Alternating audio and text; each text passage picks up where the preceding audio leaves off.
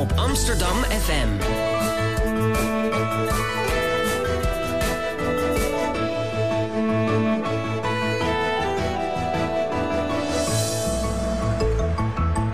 Radio Swammerdam.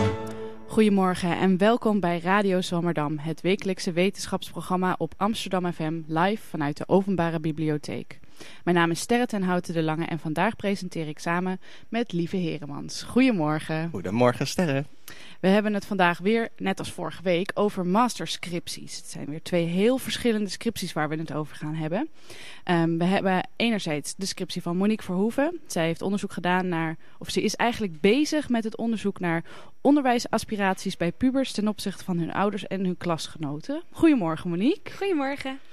En de andere scriptie is geschreven door Masha Boom, Boon. En dat is een oude Zwammerdammer. Maar nu komt ze als uh, wetenschapper vertellen over haar masterscriptie. En zij heeft onderzoek gedaan naar levensvragen die de kloon bij ons wekt. En hoe ze uitgewerkt zijn in drie verschillende films. Goedemorgen, Masha. Goedemorgen. Ja, beide scripties hebben op een heel abstract niveau iets te maken met uh, identiteit en van identiekelingen. Maar daarover komen we helemaal aan het eind van het programma nog een keertje te praten. En uh, verder hebben we in het programma uh, muzie muziekjes en een column van Gemma Venhuizen. Als je mee wil twitteren, dan, dan kan, kan, dat. Dat kan gewoon. Ja. Radio of hashtag Radio maar liever Radio. Als je een vraag hebt, kan je die gewoon stellen en dan lees ik ze misschien voor. Misschien. Als het moet wel een goede vraag zijn hoor. Ja, oké, okay, dat is goed. Um, nou, e e een van de vragen die, die zou kunnen opkomen is natuurlijk, uh, wat betekent dit woord? Want we, zoals vaker bij Zwammerdam hebben we een aantal woorden die langs gaan komen die uh, ja, moeilijk zijn, uh, specialistisch. Ping, moeilijk woord. Ja, uh, we hebben overwogen om inderdaad een Halligalli-bel op tafel te zetten. Maar ik dacht, uh, laten we er een spelletje van maken. Ik heb hier zes woorden voor me. Um, en ik heb ook zes beschrijvingen. En ik ga de beschrijving voorlezen en dan moeten jullie zeggen welk het woord is. En het is een wedstrijdje, dus wie als eerste, wie als eerste het weet, moet als eerste zeggen. De woorden zijn meritocratie, identiteit existentialisme, IQ, ethiek en sci-fi. Nou, daar gaan we. De eerste omschrijving is dat wat eigen is aan een persoon. Bing, identiteit. Heel goed, yes. Oké, okay. is iedereen wakker? Dan is de volgende. Filosofische stroming, uitgaande van het bestaan. Existentialisme. Je moet wel eerst op de bel drukken. Heel goed. Uitgaande dus um, van, de, uh, van het bestaan, het zijn van het individuele mens... met als centraal thema herhaaldelijke persoonlijke beslissingen... die genomen moeten worden uh, in een wereld zonder zin. Nou, dat is zeker een moeilijk woord, zou Zin ik moet zeggen. je maken, zeg ik altijd. Ja, ja. doe je best. en de derde is cijfermatige aanduiding voor iemands intellectuele Pling, vermogen. IQ. Oh. Yes, dat is het IQ. Dan hebben we nog uh, samenleving waarin sociale status Pling, bepaald wordt meritocratie. door prestaties en capaciteiten. Heel goed. En dan hebben we nog filosofische leer van goede handel, handelen en goede, het goede leven. Reflectie op de moraal. Kan alleen maar ethiek zijn. Ja, absoluut. En als laatste hebben we toekomstverhaal met technische uitvindingen als uitgangs... Yes, hartstikke goed. Nou, ik geloof dat wij in ieder geval aan tafel goed begrijpen waar we, um, waar we het over gaan hebben. We beginnen vandaag met uh, Monique. Monique, um, jij hebt onderzoek gedaan naar uh, onderwijsaspiraties. Mm -hmm. En in Nederland um, hebben, uh, hebben we een redelijk flexibele manier van... flexibele mogelijkheden van de paden die we kunnen lopen in, in het onderwijs. Klopt dat? Ja, dat klopt inderdaad wel. Dat, je kunt natuurlijk heel makkelijk bijvoorbeeld eerst VMBO doen en daarna nog naar de HAVO. Of je kunt beginnen bij het VWO. Uh, en als dat toch te lastig blijkt te zijn, kun je redelijk makkelijk weer doorstromen uh, naar de HAVO opnieuw. Um, maar de manier waarop je je schoolcarrière doorloopt is wel heel bepalend voor waar je uiteindelijk terechtkomt. Zo blijkt in ieder geval uit mijn scriptie. Ja, maar het lijkt me logisch dat wat voor een opleiding je hebt gedaan ook wat effect heeft op wat voor een ja, maar uh, vooral, vooral, het maakt vooral heel erg uit uh, of je bijvoorbeeld eerst laag inzet, begint op het VMBO en vervolgens stijgt als het ware naar ja, de de HAVO. sociale stijgers. stijging, ja. Mhm. Of dat je bijvoorbeeld van de HAVO daalt naar het VMBO. Wat voor effect heeft dat dan? Ehm, het idee is dat op het moment, ik heb bijvoorbeeld iemand gesproken in een van mijn interviews. eh, die jongen had in groep 8 eh, een advies, CITO-advies, schooladvies van ik kan naar het VMBO theoretisch eh, of naar de HAVO. En toen heeft hij ervoor gekozen samen met zijn ouders en de school om naar het VMBO te gaan. Eh, dat ging heel erg goed en dus kon hij redelijk snel doorstromen naar de HAVO, waar hij super goede cijfers haalt. Maar omdat hij ooit op het VMBO is begonnen, verwacht hij niet van zichzelf dat hij het VWO aan kan. Ook al zou je op basis van zijn cijfers zeggen dat hij dat hoogstwaarschijnlijk wel aan zou kunnen. Eh, en tegelijkertijd is het ook zo dat als jij heel hoog inzet en je gaat meteen naar het VWO, als je een HAVO-VWO-advies hebt, maar je blij- komt er dan achter dat het toch te moeilijk is, dan eh, stel je je verwachting natuurlijk aan op eh, het HAVO- of HBO-niveau. Maar dat is dan ook gefundeerd op een ervaring, namelijk dat je het te zwaar had op het VWO. Alleen Anders jongen dan- waar ik het eerst ja. over had, die weet niet of hij naar het VWO kan, maar hij durft het niet goed aan, omdat hij ooit is begonnen op het VMBO en die kloof tussen VMBO en VWO zo groot lijkt voor hem. Want, want zijn er echt... Zijn die drie dingen die je nu noemt, VMBO, T, HAVO en VWO, zijn dat hele grote verschillen? Ehm, ik denk dat de relevante vraag niet eens is of er heel objectief heel grote verschillen tussen zitten, maar vooral of er heel grote verschillen ervaren worden door mensen. Als mensen het idee hebben dat er een ontzettend groot gat zit in hoe slim je moet zijn of in hoe hard je moet werken om de HAVO te halen ten opzichte van het VMBO, eh, dat is wat uitmaakt. Want dat is waarop ba- op basis waarvan mensen gaan bepalen van goh, ga ik uiteindelijk wel de HAVO proberen of neem ik het zekere voor het onzekere, blijf ik op het VMBO, want daar weet ik dat ik kan slagen. Ja, en omdat je nog midden in je scriptie eh, zit, ben je vooral eh, eh, erg goed bekend met het grotere debat rondom deze vraagstukken. Mhm. Ehm, dat wil zeggen de meritocratie. Kun je uitleggen wat meritocratie is? Het is net al even langsgekomen. Ja, meritocratie is een samenleving waarop mensen vooral beoordeeld worden op wat ze zelf kunnen. Vroeger was het heel vaak zo dat als je vader bakker was, eh, je zelf ook bakker werd. En als je vader arts was of advocaat, dan werd jij ook arts of advocaat. Dat had in principe veel minder te maken met hoe slim je was of hoe hard je werkte dan nu. En nu wordt er steeds in ja, in steeds grotere mate gekeken naar, maar wat kunnen mensen zelf? En hoe hard zijn mensen zelf bereid om te werken? En op basis daarvan eh, verwerf je een plekje binnen het, ja, binnen het onderwijssysteem en later ook op de arbeidsmarkt. En dat is... zei de premier laatst toch ook, hè? Je moet je een beetje invechten in de markt, geloof ik. Right. maar is Nederland dan ook echt een eh, meritocratie? Ehm, we zijn wel op weg naar een meritocratie. Eh, sinds de jaren 60 is de toegang tot onderwijs veel eh, groter geworden voor allerlei lagen uit de bevolking, eh, ook voor vrouwen. Ehm, en ehm, als je nu kijkt naar de cijfers van de kinderen die nu hoog opgeleid raken, heeft ongeveer 80% een vader die laag of middelbaar opgeleid is. Dus in die zin is er zeker sprake van stijging, omdat mensen dus het verder schoppen in het onderwijssysteem dan hun ouders.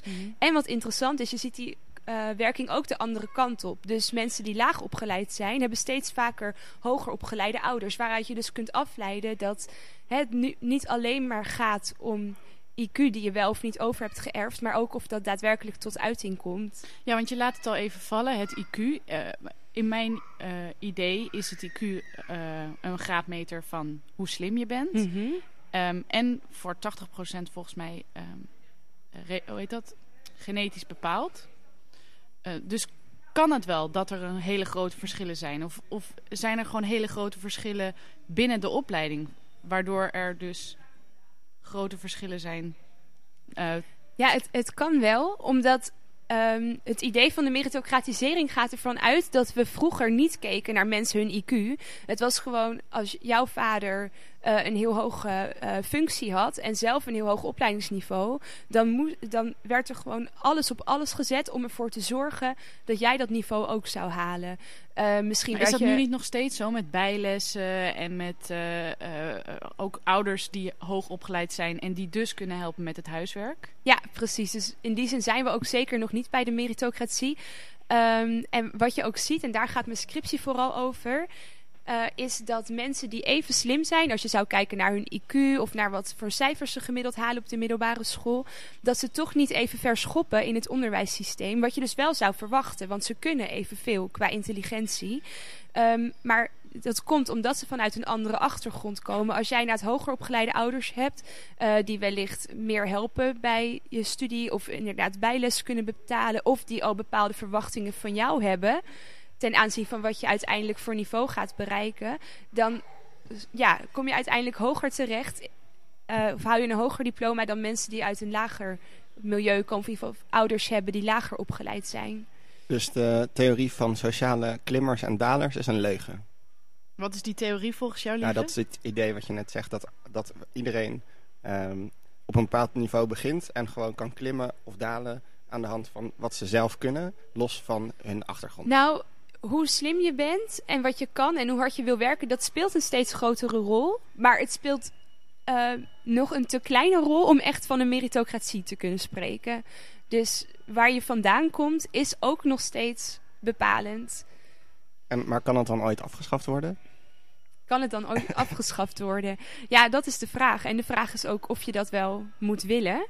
Want wat ehm, voor een effect zou het hebben als je als Nederland helemaal een meritocratie kon. Helemaal niks meer uitmaakt wat je ouders doen. Nou, het idee van een meritocratie, hè, dat gaat heel erg in. Dus tegen dat je afkomst bepalend is voor je levenssucces eigenlijk. Of voor je levensgeluk. Want wat voor een opleidingsniveau je hebt is heel erg bepalend weer voor wat je verdient bijvoorbeeld. Uh, en daardoor kun je ook weer gezondere producten kopen. Waardoor je vaak langer leeft, et cetera. Um, dus daar zet het zich tegen af. Hè? Dus als jij uh, geboren wordt als uh, zoon of dochter van een uh, graaf, dan heb je niet automatisch ook weer een adellijke titel, hoewel je dat dan nu nog wel ziet. Maar als je een meritocratie zou hebben, waarin je dus helemaal beoordeeld wordt op wat je zelf kan en op hoe hard je zelf werkt, dan is het probleem dat je eigenlijk al heel snel weer op je afkomst wordt beoordeeld, omdat IQ zo'n grote erfelijke component is. Dus als iedereen uh, inderdaad hè, hoog opgeleid raakt omdat hij zelf heel slim is. Uh, en je ziet dat mensen die heel slim zijn vaak kinderen krijgen met andere mensen die weer heel slim zijn. Dan krijgen zij heel slimme uh, zoons of dochters. en dat is wel problematisch, omdat je dan dus eigenlijk weer hebt dat je afkomst bepalend is voor waar je terecht komt. Omdat je afkomst betekent dat je goede genen hebt, waardoor je een goed, goede kansen maakt. Ja, is een beetje Brave New World-achtige scenario. Een beetje science fiction eigenlijk, hè? Ja. um, ja, maar wat ontbreekt er dan nog in Nederland voordat we bij die meritocratie terecht kunnen komen? Um, nou ja, vooral dus de verwachtingen die mensen uh, opstellen op basis van hun eigen kunnen. Uh, wat ik in mijn scriptie ook zag, is dat uh, als mensen dus inderdaad even slim zijn, dat ze dan dus andere verwachtingen opstellen. Terwijl dat in principe niet nodig zou zijn. Want stel je zit op de HAVO en uh, je staat een 6, dan is iemand die dus hoogopgeleide ouders heeft sneller geneigd om te denken: ja, maar ik haal de HAVO wel. Uh, of ik kan misschien zelfs naar het VWO, terwijl een ander dat niet denkt. Uh, zijn het dan ook echt de ouders of zijn het misschien de klasgenoten, de, de kleur van de school, de wijk van de school? Mm -hmm. Um, ik denk dat het wel dat de ouders, rol van de ouders wel heel groot is. Um, maar een klein zijpaadje binnen mijn scriptie is ook dat als jij in een klas zit met heel slimme kinderen en je bent zelf ook best slim, maar de rest om je heen is nog slimmer, dan voel je je misschien veel dommer dan je eigenlijk bent. Of veel minder intelligent of goed in school dan je eigenlijk bent. Als dat dus zo is, zou je dan niet juist harder gaan werken om aan de norm van de klas te voldoen. Waardoor je dus harder leert werken. Waardoor je misschien makkelijker doorstroomt uh, ja, naar maar, opleiding? Er is wel natuurlijk een bovengrens aan hoe hard je kunt werken. En ook aan hoe hard je wilt werken. Ik heb ook mensen gesproken die dan inderdaad op het VWO zaten. Uh, die daar gewoon in, wel een 6,5 stonden. Maar die drie keer zo lang overal voor moesten leren. In ieder geval in hun eigen ervaring. Uh, en die eigenlijk bijna hun sportvereniging moesten, uh, zeg maar het lidmaatschap daarvan moesten opzeggen. Die geen tijd meer hadden om hun vrienden te zien. Die op hun 16e, 17e, 18e niet meer uit konden gaan. En dus daar zit wel een grens aan hoeveel mensen daarvoor op willen geven om uiteindelijk dan een VWO-diploma te halen. Hm, en dat IQ, dat slimmer zijn, dat is gebaseerd op dat IQ? Ja, um, in mijn scriptie heb ik het gebaseerd op uh, ja, een, een soort variant van een IQ-test. Maar je kunt het, het maakt niet uit. Als je kijkt naar gemiddeld cijfer of IQ, Mhm. dan kom je wel op dezelfde resultaten uit. Want een IQ is toch ook een soort gemiddelde? Het IQ zitten toch eigenlijk best wel veel sociologische problemen aan, Monique? ja, maar ja, goed, je moet roeien met de riemen die je hebt. Maar wat zijn de sociologische problemen bij, rondom het IQ? Ehm, nou, als je heel erg veel traint op een IQ-test, dan wordt je IQ hoger. Dus in die zin is het geen één op één maat van hoe slim je bent. Tenzij je ervan uitgaat dat je in de loop van de tijd slimmer kunt worden. Maar meestal, als we het hebben over hoe intelligent iemand wel of niet is, gaan we ervan uit dat dat redelijk stabiel blijft over de levensloop. Je hebt gewoon wel veel moeite, of niet veel moeite, of middelmatig veel moeite om bepaalde dingen onder de knie te krijgen. Ja, maar het IQ is ook iets. Het, wordt, het meet iets wat ze niet kunnen uitleggen wat het meet. Er is geen, eh, er is geen eenheid waarin het gemeet wat, wat het meet. Hmm. Ja, het, ja, maar ik heb een vriendin en die past op op eh, twee hoogbegaafde kinderen. Eh, eentje van zes en eentje van acht, geloof ik. En die, hebben, die zijn dus super slim. En die hebben allebei een heel hoog IQ. En, maar eh, dus eentje van 135 en eentje van onmeetbaar slim. Ja. Eh, en, de en dan hebben ze ook nog een test gedaan voor sociaal IQ. ja. En daar was eentje dus minder eh, hoog dan de ander. En de, degene met allebei hoog moet dus niet naar een hoogbegaafde school. En de ander die dus sociaal minder slim is, die moet naar een gewone school of andersom. Ehm, maar dat moesten ze dus aan die kinderen uitleggen. Hmm. Omdat ze nu allebei naar een andere school gaan. Hoe dat zit met die IQ's. En die zitten ze dus de hele tijd met elkaar te praten over nee, maar jij bent niet zo slim en ik ben daar weer beter in. Het is heel gek. Ehm, en dan heb je ook nog de achtergrond van die ouders. Wat Die natuurlijk dat ook kennelijk dus heel belangrijk vinden. nou ja, of ze vonden dat in ieder geval de noodzaak. Maar we hadden het net over die VWO'ers die dan eh, sli- die, ah, slimme ouders hebben. Of die denken, oh, dat kan ik wel halen, want mijn ouders zijn ook slim. Eh, dat is toch ook een soort, van- dat is een, iets wat buiten het IQ valt, maar wel een soort voordeel is. Ja, precies. En dat is ook vooral waarom we nu nog geen meritocratie zijn. Omdat inderdaad hè, ouders nog verwachtingen hebben van hun kinderen. Die ze vormen op basis van wat zij zelf hebben bereikt als ouders. Zonder te kijken naar wat, hoe dat kind nou daadwerkelijk presteert in het onderwijs. En wat is het belangrijkste voor de prestaties van het kind? De verwachtingen van de ouders of de verwachtingen van het kind? Ehm, dat durf ik niet zo goed te zeggen. Ik denk dat het allebei een rol speelt. Ik denk wel dat als jouw ouders verwachten dat jij een bepaald niveau haalt, dan ga je er als kind, eh, tenminste dat kwam naar voren uit mijn interviews, er ook van ehm, dat je ouders gegronde redenen hebben om dat van je te verwachten. Dus dan ga je er zelf wel steeds meer in geloven van ik kan dit. Eh, tegelijkertijd zijn de verwachtingen die je zelf hebt natuurlijk eh, ook heel erg belangrijk. En je ziet ook heel veel dat eh, kinderen een soort van sociale daling willen voorkomen. Dus als mijn ouders dan het HBO hebben gehaald, dan moet ik minstens ook het HBO halen. Anders heb ik ondergedaan voor mijn ouders. Maar als er, als er aan de ene kant sociale stijgers zijn en aan de andere kant kinderen die in ieder geval het niveau van hun ouders willen halen, dan krijg je steeds meer kinderen die een hoge opleiding doen. Eh, ook wel bekend als onderwijsexpansie.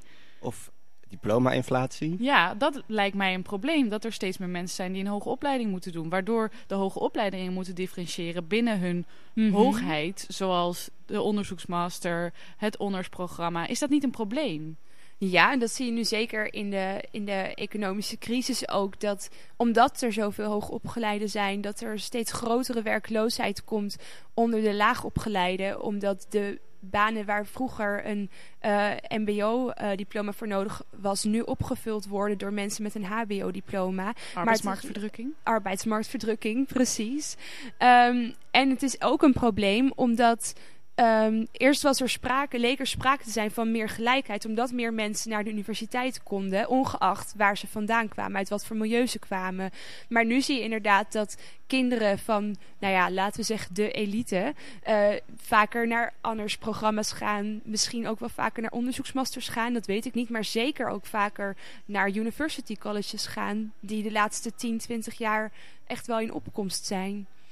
Eh, en daardoor eh, ja, is er eigenlijk een nieuwe vorm van onderwijsongelijkheid. Omdat je zoveel verschillende niveaus weer hebt binnen het allerhoogste niveau. Ja, dus de vraag is eigenlijk, is het wenselijk om iedereen een gelijke kans te geven? Nou, ik denk dat het wenselijk is om iedereen een gelijke kans te geven. Maar je kunt je afvragen of iedereen nu een gelijke kans heeft. Omdat als je ouders veel geld hebben, uh, zij uh, jouw opleiding aan een university college kunnen betalen die twee keer zo duur is als een opleiding aan een reguliere universiteit. En als, als je iets in Nederland zou kunnen veranderen, wat zou je dan veranderen aan het onderwijssysteem? Um, ik denk dat het sowieso goed zou zijn als iedereen qua financiën een even hoge kans heeft om ergens binnen te komen. En verder denk ik dat het belangrijk zou zijn om als je naar de middelbare school gaat, vanaf de basisschool altijd zo hoog mogelijk in te zetten.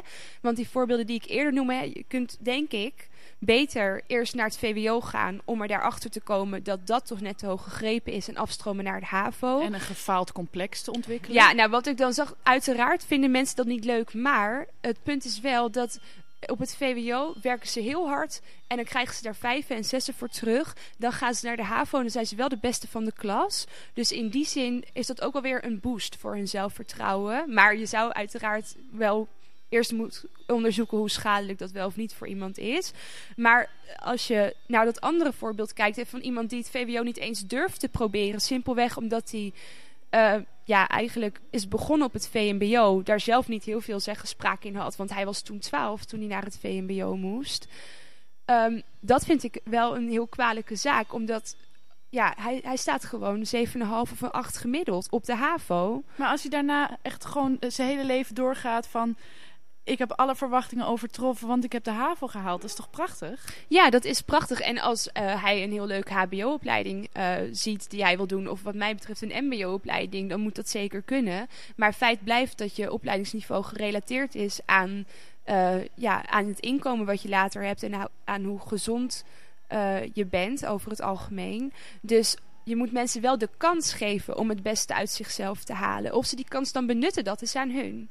Maar op dit moment, hè, omdat je lijkt te beginnen met zo'n achterstand, dan durven heel veel mensen die sprong niet te wagen.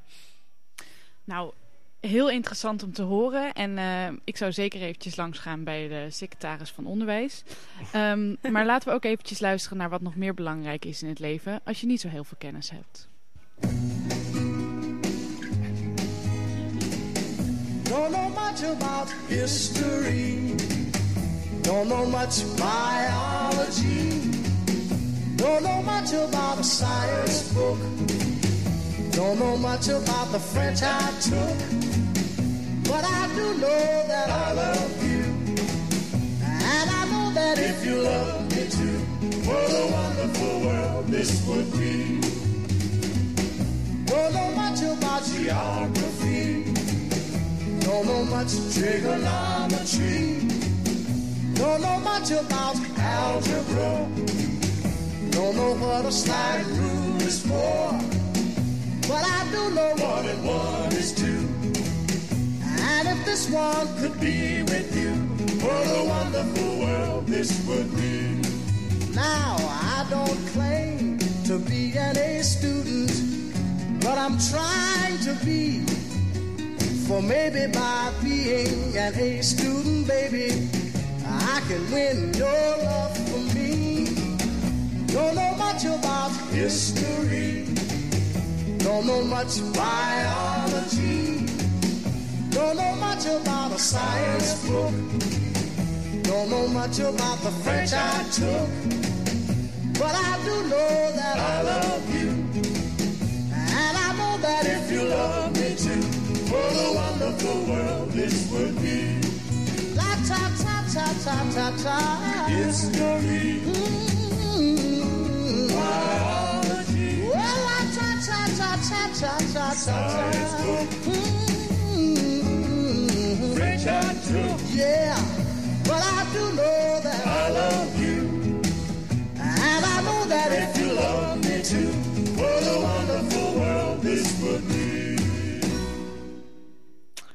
Ja, welkom terug bij Radio Zwammerdam, het wekelijkse wetenschapsprogramma op Amsterdam FM. We hebben het vandaag over masterscripties en dat is ook waar de column van Gemma Venhuizen over gaat. Het was een zonnige dag begin juni, ergens in een bedompt achterafkamertje vier hoog op de Vrije Universiteit. Of om preciezer te zijn, in het wis- en natuurkundegebouw van de Vrije Universiteit, dat ooit door Amsterdammers is verkozen tot een van de tien lelijkste gebouwen van de stad en waar ik de afgelopen zes jaar van mijn leven had doorgebracht.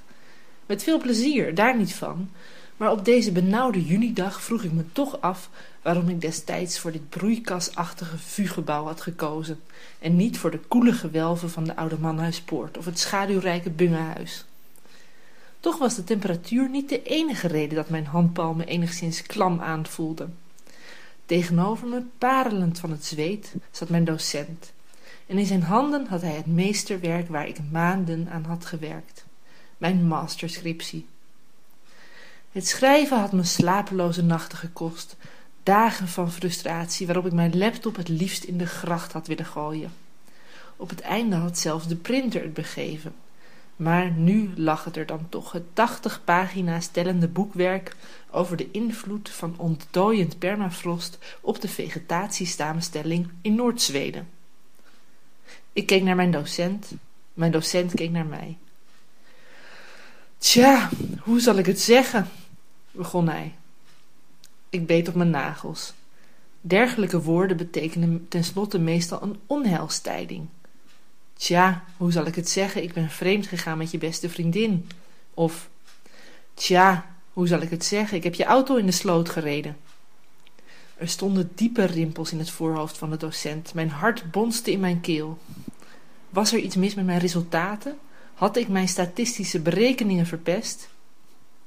Tja, hoe zal ik het zeggen? herhaalde hij. De inhoud van je scriptie is prima op orde. Alleen, het is te romantisch.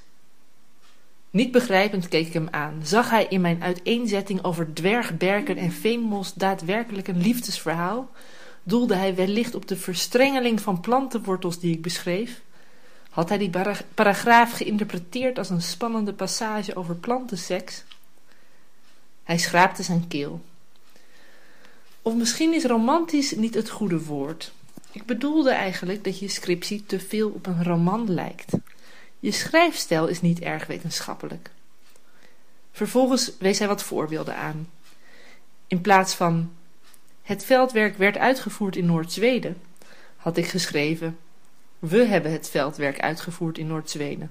En dat was niet zakelijk genoeg. Ook het citaat van de Zweedse bioloog Linnaeus, die de, die de door mij bestudeerde lavendelheide ooit had vergeleken met een blozende maagd, hoorde volgens mijn docent niet thuis in een wetenschappelijke verhandeling. Verder had ik her en der humor gebruikt en dat was natuurlijk al helemaal uit den boze. Om die reden heb ik besloten je een zeven en een half te geven, verkondigde hij aan het eind van ons gesprek. Als je de schrijfstijl her en der wat objectiever maakt, krijg je er een punt bij. Ik nam afscheid en vertrok met de scriptie onder mijn arm. Eenmaal op de gang smeet ik het ding in een dichtstbijzijnde papierbak. Niet wetenschappelijk genoeg, dat was precies waarom ik had besloten niet verder te gaan in de wetenschap, maar in de journalistiek. Daar was het tenminste wel toegestaan, nee zelfs verplicht om zinnen in de actieve vorm in plaats van in de passieve vorm te schrijven. Die avond mailde ik mijn docent dat ik had besloten om mijn scriptie niet te herschrijven. En als bijlage stuurde ik een wetenschappelijke publicatie mee die kort daarvoor in het tijdschrift Oikos was verschenen. De titel luidde How to Write Consistently Boring Scientific Literature. Het motto van het artikel was Hell is sitting on a hot stone reading your own scientific publications. De auteur, een Deense bioloog, gaf tien zogenaamde tips om je publicatie zo saai mogelijk te maken. En juist aan die tien regels voldoen wetenschappelijke artikelen maar al te vaak. Originaliteit en metaforen vermijden bijvoorbeeld en tegelijkertijd vasthouden aan een passieve schrijfstijl met zoveel mogelijk afkortingen en technische begrippen. Waarom durven wetenschappers in hun artikelen zo weinig te improviseren? Waarom houden ze toch vast aan die zakelijke, gorddroge schrijfstijl? Iets bloemrijker schrijven betekent heus niet direct dat je onderzoek niet deugt of dat de tekst onduidelijker wordt. Sterker nog, een leesbaar artikel vergroot alleen maar de kans dat je onderzoekresultaten worden opgemerkt door collega-wetenschappers of door journalisten. Toch lijkt het merendeel van de wetenschappers er nog altijd van overtuigd te zijn dat een lekker leesbaar artikel afbreuk doet aan hun professionaliteit. En dat is zonde. Gelukkig mocht ik, een jaar na die eerste masterscriptie, nog een tweede scriptie schrijven, voor mijn afstudierichting wetenschapscommunicatie. In die scriptie vergeleek ik twee boeken van Willem Frederik Hermans, die naast schrijver ook fysisch geograaf was, net als ik. Het ene boek heette Erosie en was een non-fictieboek dat, u raadt het al, over erosie ging. Het andere boek was zijn beroemde roman Nooit meer slapen over een geologisch veldwerk in Noord-Noorwegen. Een wetenschappelijk boek en een onwetenschappelijk boek naast elkaar. En toch was het Hermans gelukt om beide boeken zowel prettig leesbaar als informatief te maken. Hij gebruikte metaforen, humor en literair taalgebruik. Mijn docent had beide boeken ongetwijfeld een fikse onvoldoende gegeven, maar ach, wat had dat Hermans kunnen schelen? Van Nooit meer slapen zijn sinds 1966 al meer dan 30 herdrukken verschenen. En in 2010 promoveerde Svein Olaf Krugli, een Noorse geoloog in, in Oslo, op het onderwerp waar ook Alfred Issendorf, de hoofdpersoon van Nooit meer slapen, op hoopte te promoveren. De aanwezigheid van meteorietkraters in het Noord-Noorse landschap. Geheel toevallig, want Krugli had bij aanvang van zijn onderzoek nog nooit van Hermans gehoord. Soms liggen feit en fictie dus dichter bij elkaar dan je zou denken. Niet altijd staat de literatuur lijnrecht tegenover de wetenschap. Wat mij betreft mogen die twee in de toekomst nog meer gaan overlappen. En wie weet dat dan, heel misschien, in de toekomst de Nobelprijs voor literatuur ooit naar de auteur van een wetenschappelijke publicatie gaat. Ja, dat was een hele leuke column. Welkom terug bij Radio Swammerdam, het wekelijkse wetenschapsprogramma op Amsterdam. En zoals u misschien al gehoord had, gaat het vandaag over scripties. En uh, nu gaat het ook nog over science en fiction. Aan tafel zit uh, Masha Boon. En jij hebt je scriptie ingestuurd voor de scriptieprijs van de UvA. Yes, dat klopt. En heb je gewonnen? Helaas, helaas. Net nee, niet. nee, net niet. Maar wel een hoog cijfer gehaald, geloof ik. Ja, ja, nou ja, een van de voorwaarden voor de scriptieprijs om hem in te sturen is überhaupt dat je minimaal een 8,5 hebt. En uh, nou, ik dacht, ik heb 9. Moeten we toch in ieder geval gewoon proberen. Wat maakt het uit? En uh, nou ja, tot Warempel was ik opeens ook gewoon genomineerd. Wat wel Mhm. een ongelofelijke eer is natuurlijk. Het, uh, nou ja, dat benadrukte ze ook op de slotmanifestatie. Ja, wij waren de crème de la crème. De beste 13 van uh, afgelopen jaar. Dus dat is toch gewoon een hele eer om uh, in dat rijtje te mogen staan. En is er ook een ranking geweest van de scripties? Uh, nou, er is een eerste, tweede, derde prijs uitgeloofd wat dat betreft. En jij was ik was helaas niet onderdeel daarvan? Niet onder de, de, de, een van de, de eerste drie. Maar, maar allemaal hebt... winnaars stonden we daar natuurlijk. Eigenlijk, ja, 13 winnaars. En je moest uh, vorige week ook een, in één minuut vertellen waar je scriptie over ja, gaat. Kan je dat nog een keer doen voor de elevator pitch inderdaad. Oh, wow. en, uh, ik heb hem weer voor jullie meegenomen. Dus ik zal uh, even Zet, de vertellen. timer gaat nu in. Stelt u zich eens voor, vandaag komt u zichzelf tegen. Niet in figuurlijke zin, maar in letterlijke zin. Een exacte kopie van uzelf staart u in de ogen. Een kopie die zowel lichamelijk als geestelijk identiek aan u is. Een kloon die genetisch en qua herinneringen niets van u verschilt. Een scala aan verontrustende vraag doe me op. Kan ik jou, deze andere persoon die ik zelf niet ben, als mijzelf beschouwen? Zijn jouw herinneringen de mijne of zijn mijn herinneringen die van jou? Delen wij een bewustzijn? Is jouw lichaam mijn eigen of is mijn lichaam het jouwe? Ben ik nog wel uniek?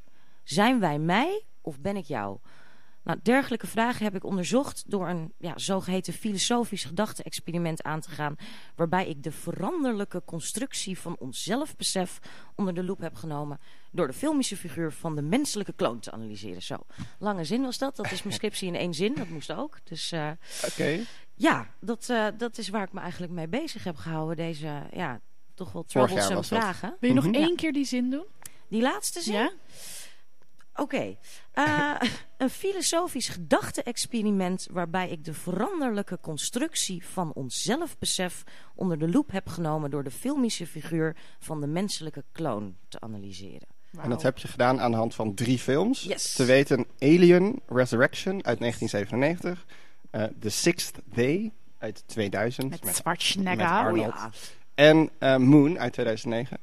Uh, en ja, waarom drie, drie, die drie films? Nou, ik wilde uh, heel graag een, een, een ja, bepaald soort gedachte-experiment, ook vooral over subjectiviteit, identiteit, dat heeft me altijd heel erg geboeid, uh, starten. En uh, ik kwam op de kloon omdat ik een scèneanalyse moest doen. Dat was Alien 4. Daar is ze een kloon. Ik denk dat is wel een heel interessant onderwerp eigenlijk. Want ben jij jij nog wel als jij opeens voor je staat? Wie Mhm. is die ander dan? Is dat wel een ander? En toen heb ik eigenlijk gezocht naar drie films, of in ieder geval zijn er uiteindelijk drie geworden, maar naar films waarbij letterlijk en figuurlijk het hoofdpersonage, de protagonist, zichzelf tegenkomt. En eh, er zijn een hele hoop films over genetische manipulatie, clones, noem het allemaal maar op. Maar niet zo heel veel waarbij de hoofdpersoon zich echt daadwerkelijk ja, treft. En eh, dat vond ik wel een heel interessant gegeven om te kijken van hoe vertalen die films dan eigenlijk dat, dat identiteitsspel? Hoe, hoe proberen zij te, te bezien hoe identiteit dan werkt als het niet meer uniek is, als het niet meer singulair is, als het niet meer aan één lichaam en één geest gebonden zit, zeg maar. En doordat de hoofdpersonen zichzelf tegenkomen in die films, stellen die films existentialistische vragen. Zo zou je dat kunnen zien. Ja, als, jawel, Arnold Schwarzenegger stelt ons existentialistische vragen inderdaad. Fantastisch. Wie had dat ooit verwacht? Het leuke is ook dat ik hem zelfs ook nog een beetje als een fascistische existentialistische vraag eh, heb eh, eh, nou ja, ge- ge- geconceptualiseerd. Dat vond ik toch wel erg leuk dat ik dat in eh, één alinea had gepropt met eh Schwarzenegger erbij. maar eh, ja, nee, het, het, dat vind ik het leuke van, van filmstudies überhaupt eigenlijk. Dat je door, door middel van zo'n object, zo'n kunstobject toch kan je het noemen, een, een, een soort dialoog kan aangaan over inderdaad filosofische, ethische vraagstukken.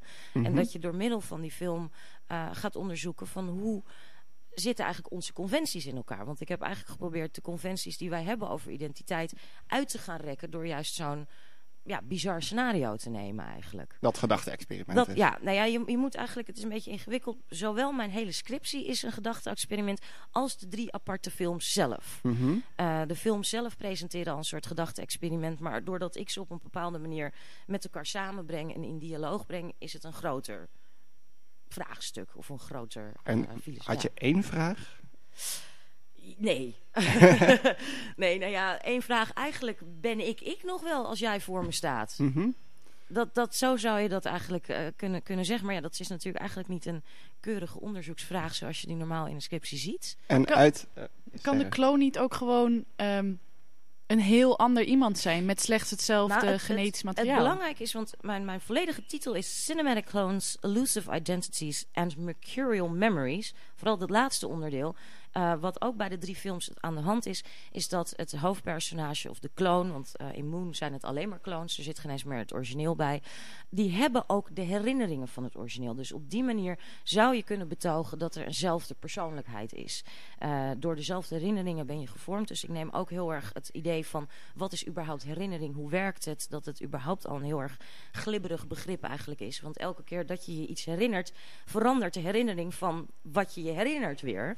En als je dat dan ook nog eens een keer in een genetisch gefabriceerd persoon stopt, van wie die herinnering eigenlijk helemaal niet is en geen eens ervaren is, is dat dan nog wel dezelfde herinnering en vormt dat nog wel de basis voor eh, een, een argument om te zeggen dat is die persoon, die heeft die identiteit.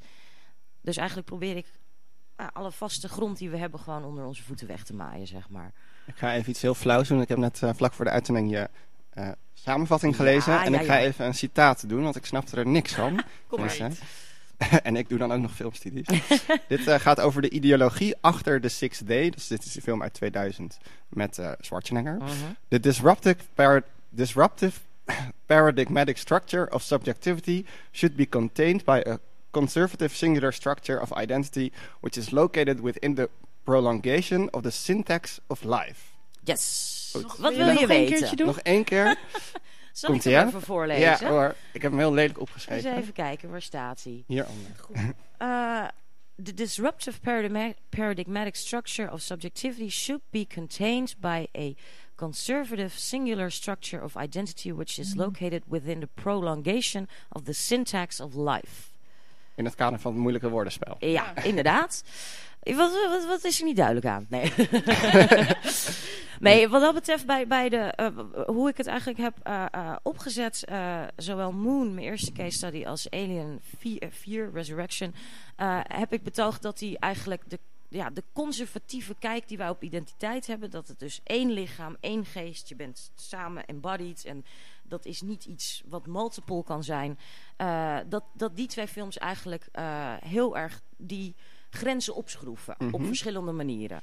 Maar bij de 6D is juist het grappige. En daarom heb ik het ook enigszins als fascistisch aangeduid. Dat ondanks dat die, ja, ja, die technologie van kloning, die dus heel erg radicaal kan zijn voor ons eh, kijk op identiteit, dat die juist eigenlijk door de radicaliteit juist weer een soort terugwerkende beweging maakt om weer het oude idee van eh, wat een persoon is in stand houden. Want even kort in de film, Arnie wordt per ongeluk gekloond terwijl dat niet de bedoeling is. Mhm. Er bestaat klonen, dat is in het geheim. Alleen is het de bedoeling dat de Evil Company, als iemand dan doodgaat, dat die dan gekloond wordt en dat je op die manier voort kan leven. Vandaar die prolongation of the syntax of life. Mhm. Eigenlijk dat de zin van het leven langer wordt gemaakt door een kloon eraan toe te voegen. Maar Arnie wordt per ongeluk gekloond en is tegelijkertijd er. En Mhm. dat is niet de bedoeling. En juist doordat Arnie tegelijkertijd met andere Arnie er is, dan wordt het moeilijk. Dan is het dus niet meer dezelfde persoon. Maar doordat de film wel de wens heeft om door middel van klonen juist als een soort ja, verlenging van het leven alleen, in de plaats van misschien een, een multiplicatie van persoonlijkheid. Er zit datzelfde idee eigenlijk in de film The Island. Waar ook mensen, hele rijke mensen een kloon van zichzelf kunnen halen. Maar dat de Nou ja, dan op een gegeven moment op die manier zou je kunnen zien, want inderdaad, daarbij is ook dat het, het leven van mensen verlengd zou kunnen worden door inderdaad, je hebt een soort kloon die een soort zak met organen is, dat als er iets misgaat, dan kan je lekker een orgaantje daar halen. Mhm. En dan, dan leef je wat langer. Alleen dan blijf jij nog wel je originele lijf. Mhm. Het bizarre hier is natuurlijk dat jouw hele lijf ook gewoon dan gekloond wordt. En je al niet meer op die manier origineel bent. Je zou bij de Island kunnen zeggen, je bent nog origineel, maar je hebt wat Nieuwe gedupliceerde delen. Mhm. onderdelen eigenlijk.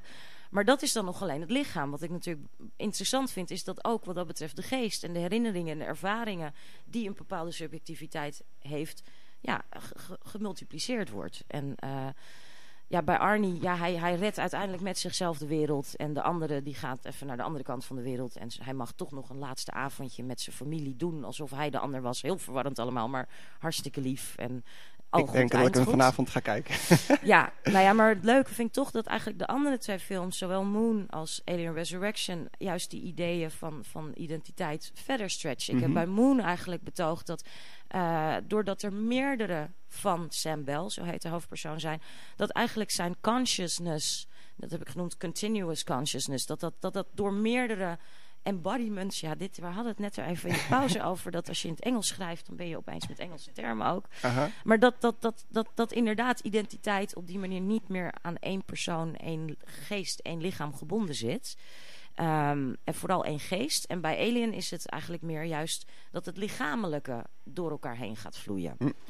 Maar is het, als je dit soort gedachte-experimenten gaat doen, kom je ook redelijk snel, denk ik, uit bij eh, eh, de ziel en, Ja. en, en het hiernamaals. Eh, Ja. Maar dus ook wel religieuze vraagstukken. Is dat iets waar de filosofie je dan bij kan helpen? Of moet je dan een uitweg richting eh, religie gaan? Nou, ik heb bewust wat dat betreft eh, het, vraagstuk religie een beetje buiten beschouwing gehouden. Want dan, dan wordt het zo complex om natuurlijk... Ja, dan heb je überhaupt een discussie, is er een ziel of niet? Ik heb wat dat betreft voor het gemak maar even aangenomen. Ik, ik heb dat dan, eh, ja, de, de, de Cartesian eh, manier om, om identiteit te duiden. Dat je dus inderdaad een... een uniform geheel bent, wat, waarin lichaam en geest op een bepaalde manier samenkomen en dat dat onze conventie is. En dan kan je überhaupt afvragen van, ja, dat lichaam wat een geest heeft, zit er wel een ziel in of niet?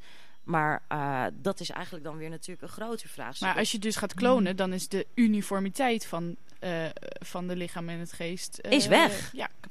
Absoluut. En juist door, door die radicale breuk eh, die die techniek van klonen aangeeft, vind ik het interessant om, om het vraagstuk identiteit daarmee te onderzoeken. En juist omdat het in een film, eigenlijk vind ik het leuke van filmstudies dat je hele filosofische ideeën toch wat concreter kan maken. Want je hebt een, echt een object voor je. Waarbij je een beeldtaal hebt die je kan analyseren. Die op een bepaalde manier een soort verhaal, een betekenis, een ideologie aan jou overbrengt. En dan kan je zeggen, ja, ik wil die ideologie geloven of niet. Of daarin meegaan of ik vind dat een gaaf idee of niet. Maar het stelt wel vragen die een stuk concreter zijn dan dat als we alleen maar een gedachte-experiment in ons hoofd aangaan. En daarom vind ik het zo gaaf om te zeggen van, nou, en mijn scriptie is het gedachte-experiment. Maar juist die drie films aan zich zijn zelf ook kleine gedachte-experimentjes. Alleen op het eerste gezicht is het leuke entertainment. En je moet er even in gaan prikken voordat ze vragen terug gaan stellen. Het kunstwerk dat vragen stelt. Ja, Ja, en, maar eh, wel met mij als mediator. Ja, precies. Maar over jou als mediator gesproken. Je wil dit gedachte-experiment eh, verder voeren. Je wil naar Ja. een PhD doen op dit Ja. onderwerp. Ja, nou ja, zoals we misschien net al een beetje gemerkt hebben, je, je, je- je, je vliegt gelijk al alle kanten op met je gedachten waar je allemaal heen zou kunnen gaan. Eh, wat ik ook nog een heel interessant onderwerp vind, maar ik weet niet of ik dat er wel of niet in wil gaan betrekken. Tijdsklonen. Hm. Je komt jezelf tegen uit de toekomst. Daar heb je ook nog een hele leuke, een hoop leuke films van. Eh, daar heb ik ook al twee, drie films op het oog die ik misschien daar mooi voor zou kunnen analyseren. Maar andersom gezien, het, het idee van de kloon zou je ook weer af kunnen zetten tegenover het idee van de uncanny double, de, Mhm. de, de, de evil twin. Dat is een, een thema wat in literatuur, in schilderkunst, ook in films al jarenlang eh, eh, gebruikt wordt. En je zou de kloon als een soort radicale 2.0 versie kunnen zien. Want het is niet alleen maar één ander meer, het zijn er potentieel duizenden.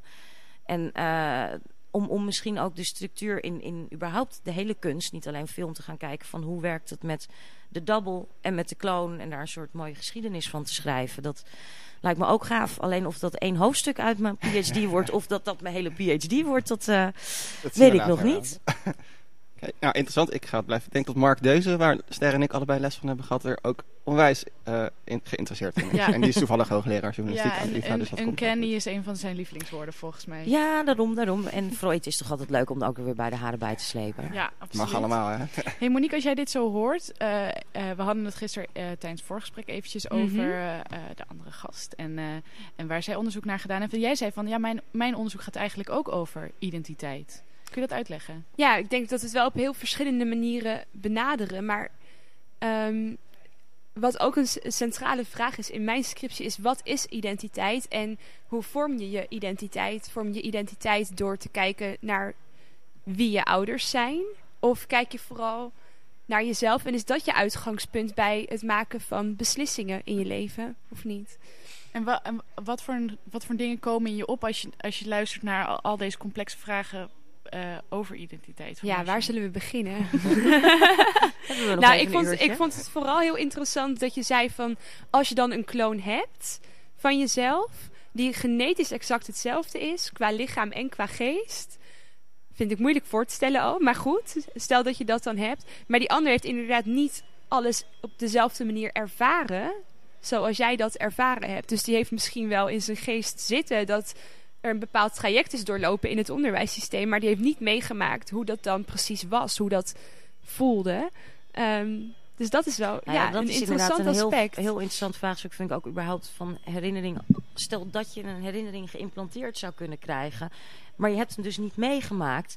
Maakt dat de herinnering of de ervaring daarvan minder echt of echter of niet? En, en ja, kan, kan je er dan alsnog wel wat mee? Ja, ik denk persoonlijk van wel. Want als je een prachtige film ziet, is dat ook een ervaring die je eigenlijk als iets virtueels kan, kan zien. Maar je voelt wel alsof je het echt meemaakt.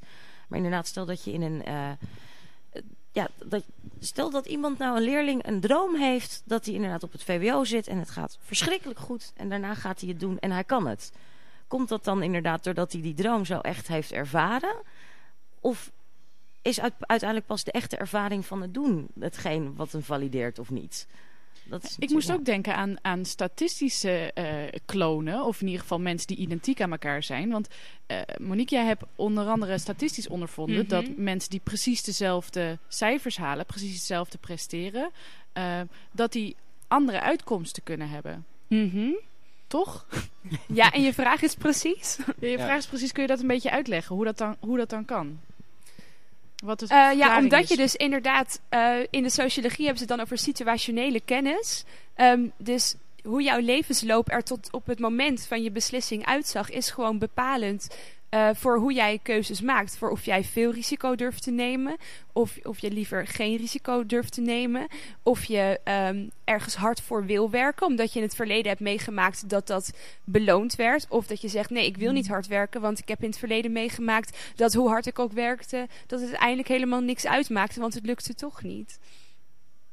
Ik heb nog een eh, kritische vraag van een kritische luisteraar. Mm. Zijn we er klaar voor? En de vraag is van eh, La- Linda Duits, wie kent haar niet? Eh, van wie is dat gedachte-experiment? Even terug naar de gedachte-experiment. Van wie is dat gedachte-experiment? Is dat van de regisseur, van de scenario-schrijver of van jou? Oh, oh, oh, oh, gaan we die vraag stellen? Ja, nee, die is. eh, we leren eigenlijk bij onze studie op dag 1 dat je je niet moet branden aan zoiets als de auteursintentie. Mhm. Dus een film die Die gemaakt is dood, hè, de auteur. die is ook dood. Dat ook. En al was hij er, dan, dan heeft hij geen intentie gehad. Nee, het, het- uiteindelijk, je, eh, je beziet de film alsof het een soort tekst is. En, en ja, eigenlijk is het mijn gedachte-experiment. Mhm. Redelijk persoonlijk ook. Want ik ben degene die eh, in samenspraak met die films en met de theorie die ik heb uitgekozen, dat dit eh, vraagstuk eigenlijk heeft aangezwengeld. Maar we kunnen natuurlijk wel stellen, die film is een soort tekst die bepaalde effecten op ons heeft. Die werkt op een bepaalde manier op ons in. En daar zit wel een soort betekenislaag in die je, ehm, ja, die alsnog, eh, die, die, die wordt aangewakkerd. En hoe is dat anders dan bijvoorbeeld met een boek? nee, Niet anders. Nee, vind ik niet. Vind ik niet. Een boek, een schilderij, Mhm. een film, eh, die kunnen allerlei dingen in je losmaken. Dat is een culturele constructie die vragen zou kunnen stellen. Mhm. Kunst die vraag stelt, dat hadden we al gezegd. Ja. Ik weet niet wat er onduidelijk was. Ja, en dan verder nog eventjes terug naar het proces van de scriptie schrijven. Eigenlijk het overkoepelende thema van, eh, van eh, vandaag. K- Masha, jij hebt een 9 gekregen voor je scriptie. Monique, eh, maar ook ik en, eh, en over een jaartje hopelijk eh, Lieve, twee jaar, zijn bezig met onze Graag geen uitspraak erover. we zijn bezig met onze scriptie en ja, hij moet binnenkort ingeleverd. Heb je de gouden tip van hoe we die negen gaan halen? Nou ja, wat ik het aller, aller, allerbelangrijkste vind... en ja, eh, nou ja, misschien is het dan nog wel een tip voor Lieve. Volgens mij hebben de twee dames natuurlijk al best wel een, eh, een goed onderwerp staan. Maar Nou, op. Kies een onderwerp waar je volledig achter staat. En niet alleen achter staat, maar gewoon echt passie voor hebt. En waar, wat je zelf heel graag wil weten. Want het gaat een gigantische bevalling worden, hoe dan ook. Je gaat het idee hebben dat je tien keer doodgaat en weer, weer wedergeboren moet worden. Je komt jezelf aan kanten tegen waarvan je dacht dat het niet eh, bestond.